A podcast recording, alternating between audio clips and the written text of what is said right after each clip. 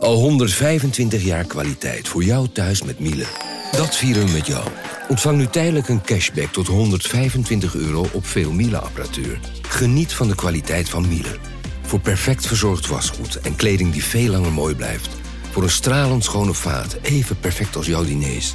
En een stofvrij thuis waarin echt hygiënisch schoon de standaard is.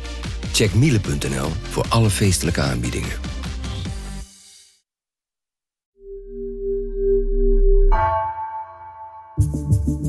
Vanaf de redactie van NRC het verhaal van vandaag. Mijn naam is Egbert Kalsen.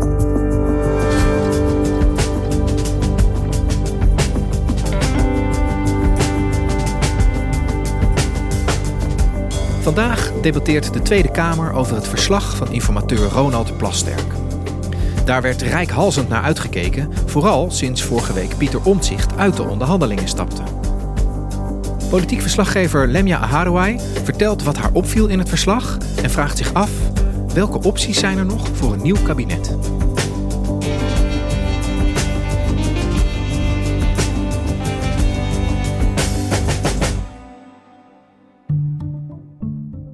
Afgelopen maandag stond er een eh, groepje journalisten uh, bij de uitgang van het deel van de Tweede Kamer waar de formatie plaatsvindt. Het formatiegebied heet dat. En uh, die ochtend was iedereen eigenlijk maar bezig met één vraag. Komt Pieter Omtzigt, de leider van Nieuw Sociaal Contract, opdagen of niet? Dag meneer Omtzigt. Hij kwam dus. Hoe was uw weekend? Prima, ja. Waarom heeft u besloten vandaag wel te komen? Eh, vandaag is, uh, liggen de stukken ter inzake, dus het verslag van de heer Plasterk over wat we de afgelopen dikke anderhalve maand gedaan hebben. En kunnen we aanvullingen geven of... Uh, en dat gebeurde nadat hij ja, een halve week afwezig was geweest uh, in dat formatiegebied en überhaupt in het hele gebouw van de Tweede Kamer. Want tot vorige week dinsdag onderhandelden uh, VVD, PVV, BBB en dus NSC onder leiding van informateur Ronald Plasterk over de vorming van, van een nieuw kabinet. En toen trok Omtzigt zich ja, vrij plotseling terug um, met een mededeling uh, in een aantal media en een appje aan de andere onderhandelaars. Ik stap eruit, want er was sprake van een vertrouwensbreuk en hij maakte zich grote zorgen over de financiën. En sindsdien uh, was hij van de radar verdwenen. Het is niet de meest chique manier gegaan zoals ik uh, gewild had. Dat gaat wel eens als je een nieuwe, jonge partij bent. Maar maandag schoof Omtzigt toch weer bij die andere partijen aan niet om met elkaar in gesprek te gaan. Het, was, waren geen formatiegesprekken. Het, het, het, het, had eigenlijk maar één doel dat hij er was. En dat was om het eindverslag van informateur Ronald Plasterk in te zien. En te controleren op feitelijke onjuistheden. Dus Pieter Omtzigt, maar ook uh, Dylan Jesselgus van de VVD, Geert Wilders van de PVV, Caroline van der Plas van BBB.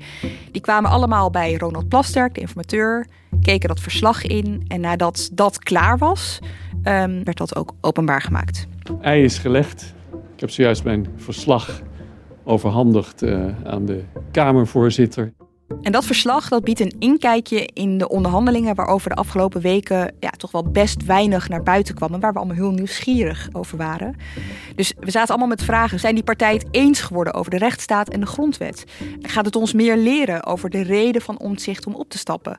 En wat is de volgende stap in deze toch wel stroef verlopende formatie?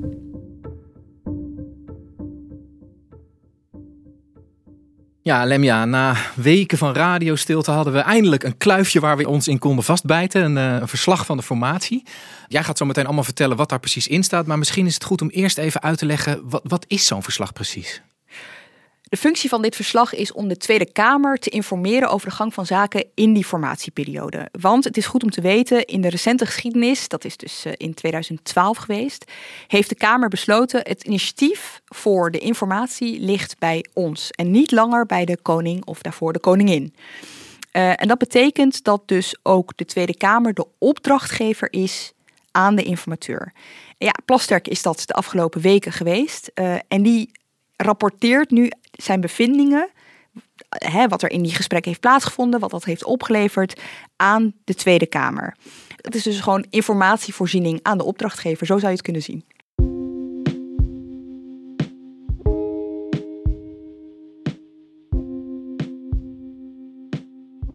Dat verslag van, uh, van Plasterk dat ligt er dus sinds, uh, sinds afgelopen maandag. En een van de belangrijke thema's daarin moet zijn geweest de rechtsstaat en de grondrechten. Ja, en daar had iedereen het natuurlijk ook over. Is ook een van de eerste dingen waar ik naar uh, ben gaan bladeren in, in dat verslag. En daarvoor is het even goed om terug te gaan naar de aanloop voordat deze informatie begon. Want die verkiezingsuitslag lag er, de PVV echt duidelijk de winnaar van deze verkiezingen. En in de eerste weken daarna begon Omtzigt steeds over de ongrondwettelijke plannen uit het verkiezingsprogramma van de PVV. Dat was voor Omtzigt ook echt een obstakel om überhaupt met Wilders aan tafel te willen. Ik wil op dit moment die onderhandelingen niet openen. Er zitten nog belemmeringen in de sfeer van die rechtsstatelijkheid. De grondrechten zijn niet een soort onderhandeling van dat kun je een stukje aan afdoen, dat kun je niet een stukje aan afdoen. Ik kan me geen situatie voorstellen dat ik de eed van trouw die ik aan de grondwet afleg, niet zou nakomen. Je hoort het, hij had echt hele grote aarzelingen om überhaupt aan tafel aan te schuiven. En daar is toen iets uh, op bedacht. Plasterk had bedacht in zijn um, eindverslag als verkenner, dus voordat hij als informateur begon, dat die partijen eerst moesten kijken of ze het onderling eens konden worden over de democratische rechtsstaat en over de grondwet. Dat is ik denk in de Nederlandse geschiedenis van formaties niet eerder voorgekomen. Uh, pin me er niet op vast. Maar dat ehm, lijkt een gegeven. Daar hoef je het eigenlijk niet over te hebben in een normale situatie. Precies. Maar in dit geval ja, was het dus echt een gespreksonderwerp en ook nog eens een heel belangrijk gespreksonderwerp. Ja, en dan is natuurlijk de hamvraag: zijn ze daar uitgekomen? De vier onderhandelaars zijn er uitgekomen. Dus het antwoord daarop is ja. Uh, ze hebben er uiteindelijk afspraken over gemaakt. Dat gebeurde op 10 januari, dus een maand voordat het verslag ongeveer af was, um, waren ze daar voor het grootste deel al uit. En ze zijn tot een soort conclusie gekomen in uh, de vorm van een verklaring. En nou hebben wij op de redactie uh, Volkert Jensma rondlopen, toch wel onze opperjurist, uh, mag ik wel zeggen. En die schreef daarover: de vier partijen onderschrijven in het verslag gedetailleerd en dogmatisch correct alle beginselen die de democratische rechtsstaat karakteriseren. Nou, dat is een compliment van Jensma uh, dat ze in hun uh, zak kunnen steken. Nou, meevaller, uh, ze hebben afgesproken dat alle godsdiensten in Nederland, en dan schrijven ze erbij, zoals bijvoorbeeld christendom en islam, vallen onder de vrijheid van godsdienst. Uh, ze hebben ook afgesproken dat uh, initiatiefvoorstellen die ze al hebben ingediend en die in strijd zijn met wat ze dus met elkaar hebben afgesproken, dat ze die weer in zouden trekken. En met dat in het achterhoofd kunnen we nu dus ook reconstrueren. Er was een moment deze formatie dat de PVV ineens een aantal voorstellen terugtrok. Bijvoorbeeld het strafbaar stellen van uh, het bezitten van de Koran. Nou, nu weten we dat is twee dagen geweest voordat ze er onderling uitkwamen. Nou, hele lijst met dit soort afspraken als je dit lijstje ziet, valt dus vooral op dat Wilders een soort metamorfose heeft ondergaan om hiermee akkoord te gaan. Weet je, eh, tot voor kort noemde hij de islam een totalitaire ideologie en weigerde hij het een religie te noemen. Uh, nou heeft hij dat al uit zijn verkiezingsprogramma gestrap, uh, geschrapt. Uh, maar het is toch opmerkelijk dat dit hier nu zwart op wit staat. Maar ook, ehm, ze hebben afgesproken dat ze instituties zoals media zullen versterken en beschermen. En dat geldt ook voor de rechtspraak. Nou, Wilders noemde journalisten tuig van de richel, noemde de rechterlijke macht corrupt. Dus deze verklaring leert ons ook hoe ver Wilders wilde gaan om die anderen aan tafel te houden. Ja, want dit moet zich toch comfort geboden hebben, al deze harde afspraken zwart op wit. Nou ja, hij is ermee akkoord gegaan. Maar dan staat er iets curieus in dat verslag. En dat is een opmerking van de NSC-fractie. Dus je moet je voorstellen, hij is onderhandelaar. Hij zit met die anderen aan tafel, gaat terug naar zijn fractie. En die hebben toch een paar opmerkingen. Die voelen toch dat de afstand tot de PVV nog steeds te groot is. En ze tekenen daarin aan dat ze het daarom nog steeds onmogelijk vinden om een meerderheid of een meer minderheidsregering te vormen waar de PVV ook onderdeel van uitmaakt. Ja, dus aan de ene kant uh, gaat Omtzigt wel akkoord met een soort gezamenlijke verklaring waarin die grondrechten geborgd worden. En aan de andere kant zegt hij heel nadrukkelijk, maar namens mijn fractie kan ik eigenlijk nog steeds niet meedoen aan dit, aan dit clubje. Ja, en dat riep dus bij mij de vraag op, is onderhandelaar Omtzigt nou akkoord gegaan met die gezamenlijke verklaring en is zijn fractie daarna op de rem gaan staan. Want hij heeft die tekst namelijk uh, afgeconcludeerd hè, met die andere partijleiders. En pas daarna kwam die opmerking van zijn fractie. Dinsdag uh, stond Omtzigt hier in de Tweede Kamer de pers te woord. En dus ik heb hem er toen ook even naar gevraagd. De verklaring was naar de toekomst toe afdoende. Daar staat dus heel helder in wat de gedragslijn is als deze vier partijen... en misschien met andere partijen of niet, uh, samenwerken. Maar er lag ook nog de vraag van wat doen we met de plannen die er al waren. En uh, als partijen dan zeggen van ja, ons verkiezingsprogramma blijft staan... en daar staat een lange lijst zaken in die niet in overeenstemming is met eh, de grondwet en de grondrechten... dan was, dat de reden, dan was dat onze reden om te zeggen... dan houden wij het bij een gedoogsteun of een extra parlementair kabinet. Ja, uiteindelijk uh, heeft Omtzigt dus wel met die andere partijen... een verklaring opgezet uh, gesteld over die grondrechten. dat is ook niet de reden die hij noemt waarom hij uiteindelijk uit die informatieperiode gestapt is. Hij, hij noemde wel heel nadrukkelijk de, de gebrekkige informatievoorziening... Hè, die, door, die door informateur Plasterk zou zijn veroorzaakt. Vind je daar nog iets over terug in het verslag? Ja, uh, dat was een verwijt aan het adres van, uh, van Plasterk. Want de formerende partijen hadden op initiatief van Omtzigt een uitvraag gedaan bij ministerie, zoals dat dan heet, naar wat zijn de tegenvallers die we in de komende vier jaar kunnen verwachten. De financiële lijken in kasten, om het maar even zo te zeggen. En Omtzigt verweet Plasterk dat hij die informatie niet meteen met de onderhandelaars had gedeeld. Uh, en in zijn verslag weerlegt Plasterk dat verwijt. Hij legt uit dat in een formatieperiode niet eerder, stelt hij, uh, zo'n uitvraag bij ministeries is gedaan. En dat er ook tijd nodig was om te zoeken naar een juridisch zorgvuldige omgang met de stukken, is hoe hij dat zegt. En wat hij eigenlijk bedoelt in het kort, daar staan ook vertrouwelijkheden in, waarvan hij moest uitzoeken samen met die ministeries, hoe doen we dat eigenlijk, dat delen met Kamerleden. En wat als de Kamer daar straks om vraagt? Uh, uiteindelijk hebben ze bijvoorbeeld een geheimhoudingsverklaring moeten tekenen, de onderhandelende partijen, om die stukken in te zien.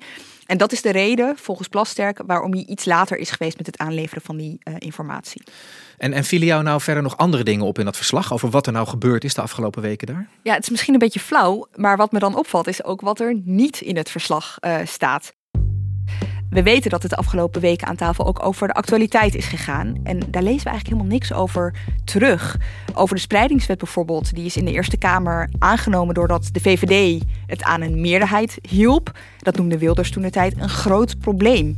Hoe hebben ze het daarover gehad? En waar zijn ze uiteindelijk op uitgekomen? Maar denk ook aan de boerenprotesten hè, en aan een oproep van Farmers Defence Force uh, niet lang geleden. Uh, met een soort van impliciete bedreiging aan het adres van politici. Waarvan Omzicht vond dat Van der Plas van BBB zich er niet duidelijk genoeg over had uitgelaten. Daar is het ook over gegaan. Wat is daarover dan besproken? En überhaupt over stikstof en klimaat.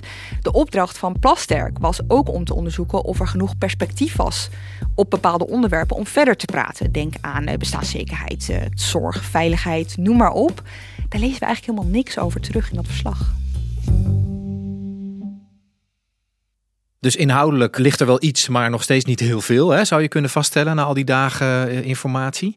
Dat maakt mij dan uiteindelijk wel nieuwsgierig naar wat Plasterk in zijn verslag dan uiteindelijk adviseert voor het vervolg van deze fase. Wat, wat moeten ze nu doen? Hij maakt er een groot punt van dat er recht gedaan moet worden aan de uitslag van de Tweede Kamerverkiezingen en ook aan de verschuiving naar rechts die plaats heeft gevonden na die verkiezingen. En over of dat kan, een, een, kabinet vormen dat daaraan voldoet, uh, zegt hij eigenlijk twee dingen. In het begeleidend schrijven bij zijn verslag zegt hij dat zijn persoonlijke indruk is dat er perspectief voor deze vier partijen is om samen verder te praten. Maar hij schrijft ook uh, dat op de vraag of er overeenstemming bereikt kan worden over belangrijke onderwerpen die we net bespraken, dat hij daar eigenlijk nog geen antwoord op kan geven, omdat NSC weggelopen is van de onderhandelingstafel. En zijn uiteindelijke conclusie is een rechtskabinet moet verder onderzocht worden door een nieuwe informateur. En die moet dan ook gesprekken gaan, voor, gaan voeren over de vorm van dat kabinet. Ja, want die vorm, dat is natuurlijk best wel belangrijk geworden. Want eh, de NSC van Pieter Omtzigt, die is van tafel weggelopen. Dus ze zijn niet meer met z'n vieren. Precies. Met deze vier partijen uh, doorpraten, dat lijkt er voorlopig niet in te zitten. Um, Omtzigt heeft nog voor de publicatie van het eindrapport van Plasterk gezegd... de afgelopen tijd hebben PVV, VVD en BBB zonder mij uh, gesprekken gevoerd. Dat ging volgens mij prima. En hij zei letterlijk, ik denk dat het een goed idee is... als zij zouden kijken of ze samen een minderheidsregering kunnen vormen. Daarmee plaatst hij zichzelf dus echt buiten die groep. Um, dan zou je kunnen denken, oké, dan is het dus ook klaar, want die drie partijen komen samen niet tot een meerderheid. Maar er zijn andere opties waar je aan zou kunnen denken. Bijvoorbeeld een minderheidsregering van PVV, VVD en BBB met gedoogsteun van NSC. En je leest ook in dat eindverslag van uh, Plasterk dat de fractie dat wel als optie noemt. Met dat gedogen was iets ingewikkelds aan de hand. Want meteen na de Tweede Kamerverkiezingen zei VVD-leider Jesselkus eigenlijk al... Dat, we, dat, dat, dat gaan wij doen. Dus de VVD gaat in een gedoogrol. En dat maakte het voor NSC eigenlijk onmogelijk om dat ook te zeggen. Want ja, uh, zoals Plasterk ook vaststelt in zijn eindverslag... niet iedereen kan gedogen. Een kabinet heeft nou eenmaal ook gewoon ministers nodig... en partijen die ja, wel met elkaar aan tafel gaan zitten. Maar bij de VVD kon je de afgelopen weken heel langzaam aan horen dat zij een beetje aan het terugkomen waren van die claim op het gedogen. Dus zij gingen heel, heel voorzichtig weer terug naar, ja, wij zouden best een kabinet uh, mogelijk kunnen maken. Dus ook echt met regeringsverantwoordelijkheid. Met regeringsverantwoordelijkheid. Dat betekent dus ook dat je bijvoorbeeld ministers levert en staatssecretarissen levert. En terwijl dat gebeurde, ging NSC, dreef juist iets meer richting dat gedogen. Overigens iets wat ze al vanaf het allereerste moment um, uh, zeiden. Dat kon je echt al vanaf het allereerste moment horen in NSC. Dus die zijn elkaar, zeg maar, ja, in tegengestelde uh, richtingen uh, zijn ze elkaar, hebben ze elkaar benaderd. En ze, ze, zijn inmiddels al langs elkaar heen. En dat ja, er heeft dus afgelopen weken, terwijl al die gesprekken plaatsvonden, ook een rolverwisseling plaatsgevonden. Ja, want vandaag is het debat in de Tweede ja. Kamer. Hè. Opdrachtgever van de informateur gaan nu ook over het verslag van de informateur praten. Um, waar ga jij op letten? Wat, wat moeten we verwachten van vandaag? Op zo'n dag gebeurt echt ontzettend veel. Um, het eerste waar ik op ga letten is hoe verhouden de vier partijen zich tot elkaar. De afgelopen weken is er ontzettend veel chagrijn ontstaan tussen die partijen, vooral de afgelopen dagen en vooral in de richting van omzicht. Maar tegelijkertijd hoor je bijvoorbeeld bij de VVD, we weten dat we die partij wel nodig zullen hebben, op welk moment dan ook. Gaan ze zich kunnen beheersen in dat debat of gaan ze toch dat chagrijn over omzicht um, uiten? Het vorige Kamerdebat, dat ging toen over de verkiezingen. Uh, dat was ergens midden december. En wat ons toen opviel was dat die formerende partijen eigenlijk al als een soort van coalitie optrokken in dat debat. Um, is dat nu nog steeds zo? Dus met andere woorden, wat wordt de positie van NSC in dit debat? Gaan ze nog steeds optrekken met die andere partijen omdat ze zich verantwoordelijk voelen voor die gesprekken van de afgelopen tijd? Of gaan ze zich al afkeren van VVD, PVV en BBB en wat meer afstand nemen daartoe? Dat wordt heel erg interessant. Ja, heel praktisch. Er zal, het debat zal eindigen met een motie van de grootste partij, de PVV, waarin een nieuwe informateur wordt aangewezen. En waarin ook een opdracht voor de informateur wordt geformuleerd. Dus dat wordt heel erg belangrijk. De vorige keer werd die motie ondertekend door ook uh, de VVD, uh, BBB en NSC. Nou ja, gaat NSC daar dit keer weer zijn handtekening onder zetten? En wat zegt dat dan? Dus dat is aan de ene kant iets om op te letten, maar er is ook nog zoiets als de oppositie. Ja, de beoogde oppositie. De moeten beoogde we zeggen. oppositie, ja. heel goed. En uh, je zag al meteen na de presentatie van het eindrapport van Plasterk de reacties. Uh, Timmermans noemde de formatie mislukt. mislukt. En we zijn weer terug bij af. Uh, want zelfs over de basislijn, over de democratische rechtsstaat, zijn ze het niet helemaal eens. Jette zei dat hij uh, nog maar één vraag had. Wat hebben die vier partijen de afgelopen 83 dagen eigenlijk gedaan? Weet je wel, dus heel erg proberen zij dat beeld te creëren van de, al die tijd is verkwanseld. Er is uh, niks, ze zijn niet tot elkaar gekomen. Wat, wat, hebben ze eigenlijk al die tijd gedaan?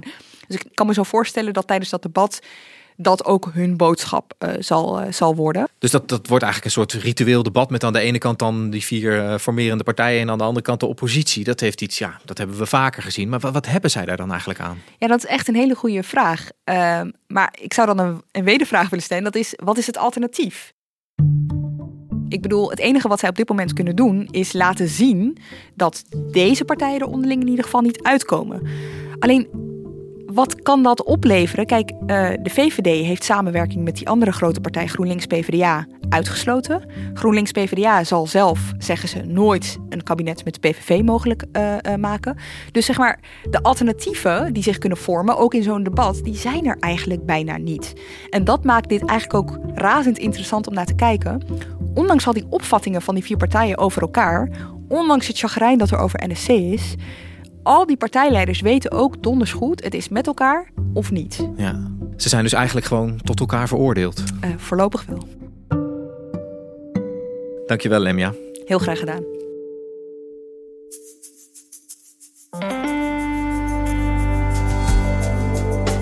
Je luisterde naar vandaag, een podcast van NRC. Eén verhaal, elke dag. Deze aflevering werd gemaakt door Igna Schoot, Iris Verhulsdonk, Esmee Dirks en Jan-Paul de Bond. Coördinatie Henk Ruigrok van der Werven. Dit was vandaag, morgen weer